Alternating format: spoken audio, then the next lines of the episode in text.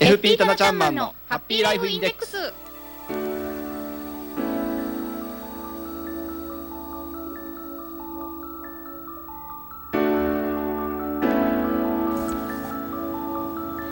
FP タナちゃんマンのハッピーライフインデックス。この時間はあなたの夢と未来をトータルサポートするライフサポート有限会社の提供でお送りします。私たちと一緒に明るい未来幸せな生活になるためのマネーライフを考えてみませんか？この番組ではあなたからの疑問質問も受け付けていますよ。宛先は hama.p-wave.ne.jp ハマアットマーク p-wave.ne.jp です。どうぞお気軽にお寄せください。さあそれでは今日も早速一級ファイナンシャルプランニング技能士ライフサポート有限会社代表のタナちゃんマンを呼んでみましょう。タナちゃんマはいこんにちは棚橋です。ンはいタナちゃんマン、はい。本当に今日も爽やかに、えーこの新緑香る風とともに登場してくれたという感じですけれども、ありがとうございます。ありがとうございます、はい。えー今日もよろしくお願いしまこちらこそお願いすしますさあ今日のテーマはタナちゃんマン何でしょうか？はい今日はですね、えー、ゴールデンウィーク連休にちなみまして連休の話をしてみたいなと思います。もう一回言ってください。連休にちなんで連休の話を。サブー！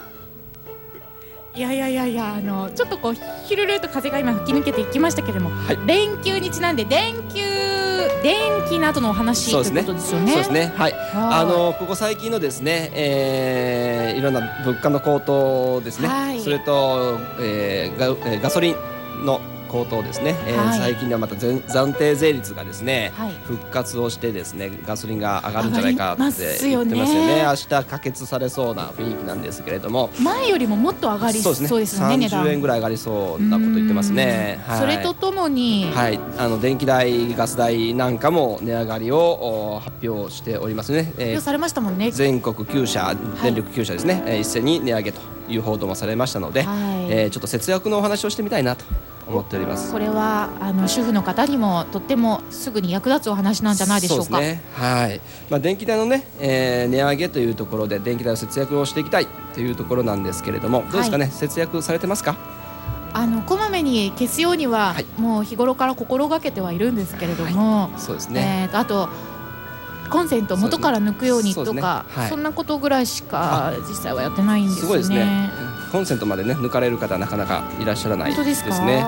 えーあのテレビもですね、あのリモコンでスイッチを消すだけですと。はいあの微弱ながら電気流れておりますしねやっぱり主電源を切るあるいはその、えーコンセントを抜くあるいは最近ですとね、えーコンセントにですねスイッチがついてるようなものもありますのでね。はいそういうのもねあスイッチでも大丈そうですね。それを切っていただければねもう電源が元から切れますんでねかなりの節約にはなると思いますし、はい。えー最近では、えー白熱球に変わりましてですね電球型蛍光灯っていうのが多く伝、えー使われることが多くなってきていると思うんですけれどもはいこれ結構ですねかなり、えー電気代の節約につながると思いますのでねぜひお使いいただければなと思いますどのくらい一個例えば変えたぐらいでも変わるんですか？あんまりそのぐらいだったら効果がないのかななんて思っちゃったりしたんですが。はい、えーまあ、確かにですね電球1個の値段はですねかなり高くなっちゃいますよね。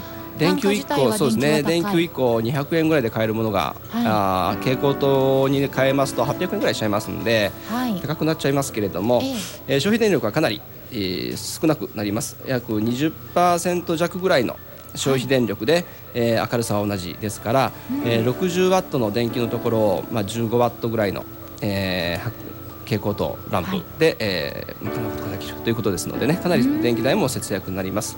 し、えーここ最近ですね地球温暖化も騒がれておりますのでね、はい。えー環境にもいいというところでぜひ使っていただければなというふうには思いますね。はい。一人が例えば一つの家庭が、はい。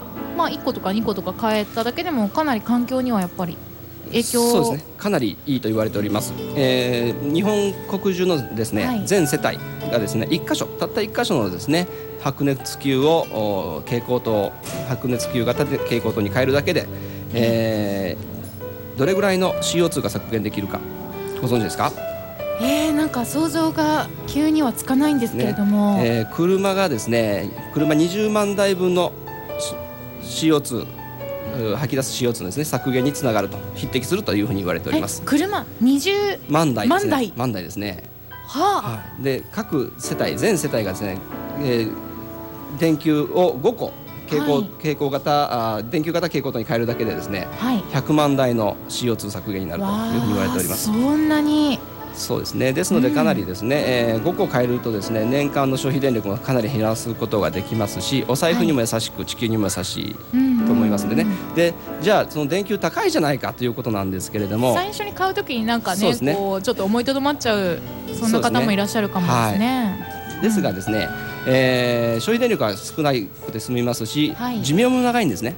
あそうなんですはい、寿命も5倍ぐらい持つというふうに言われております。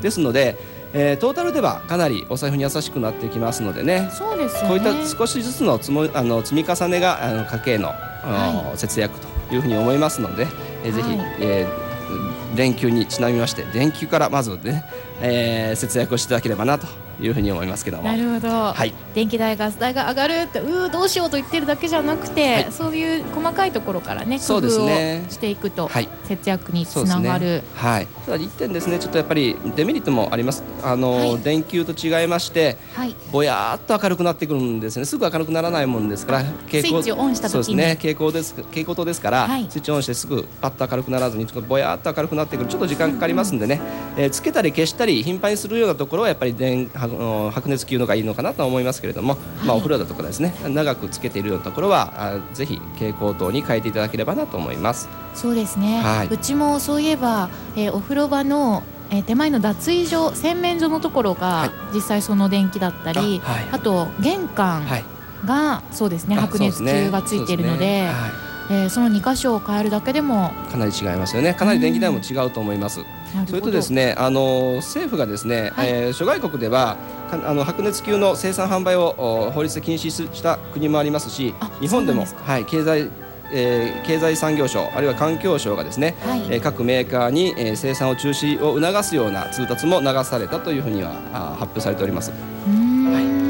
じゃあこれから減っていくということもね、ね。どんどん傾向がありますものね。はい、ね。はい、はい、あの普通にランプシェードの中のランプとかにも白熱灯が使われてたりって多いと思うんですけど、そ、ね。ね、こもその電球型の蛍光灯にすると、はい、そうですね、雰囲気はそのままで。ですね。はい、蛍光灯も白熱球色の蛍光灯もありますしね。ありますもんね。はい。はい。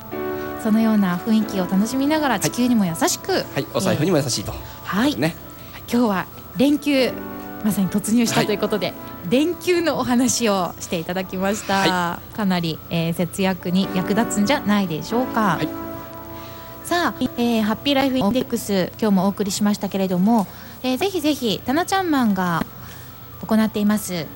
ライフサポート有限会社行っています。セミナーもご参加ください、はい、えー、次は5月の17日土曜日の予定ですね、はい、生命保険コース、はい、時間は午後2時から3時半の予定です。場所は四日市市勤労者福祉センター日永東にあります。こちらで、えー、費用は無料で参加できます、はい、なお定員がありますので、ね、お早めに、お申し込みください、はい、えー、ライフサポート有限会社まで電話059-334-8111 334-8111またファックスでもお申し込みいただけますよ。059-334の8112 334の8112なおあの申し込み用紙ですとかちょっとした案内が浜園旅客ターミナルにもありますので、はい。はい、スタジオ前にね置いてございますのでね。はい、はい、手に取って見てみてください、さあタナちゃんマンとお送りしてきました。FP タナちゃんマンのハッピーライフインデックス。この時間はあなたの夢と未来をトータルサポートするライフサポート有限会社の提供で浜園サテライトスタジオからお送りしました。それではまた来週この時間にお会いしましょう。ありがとうございました。ありがとうございました。失礼します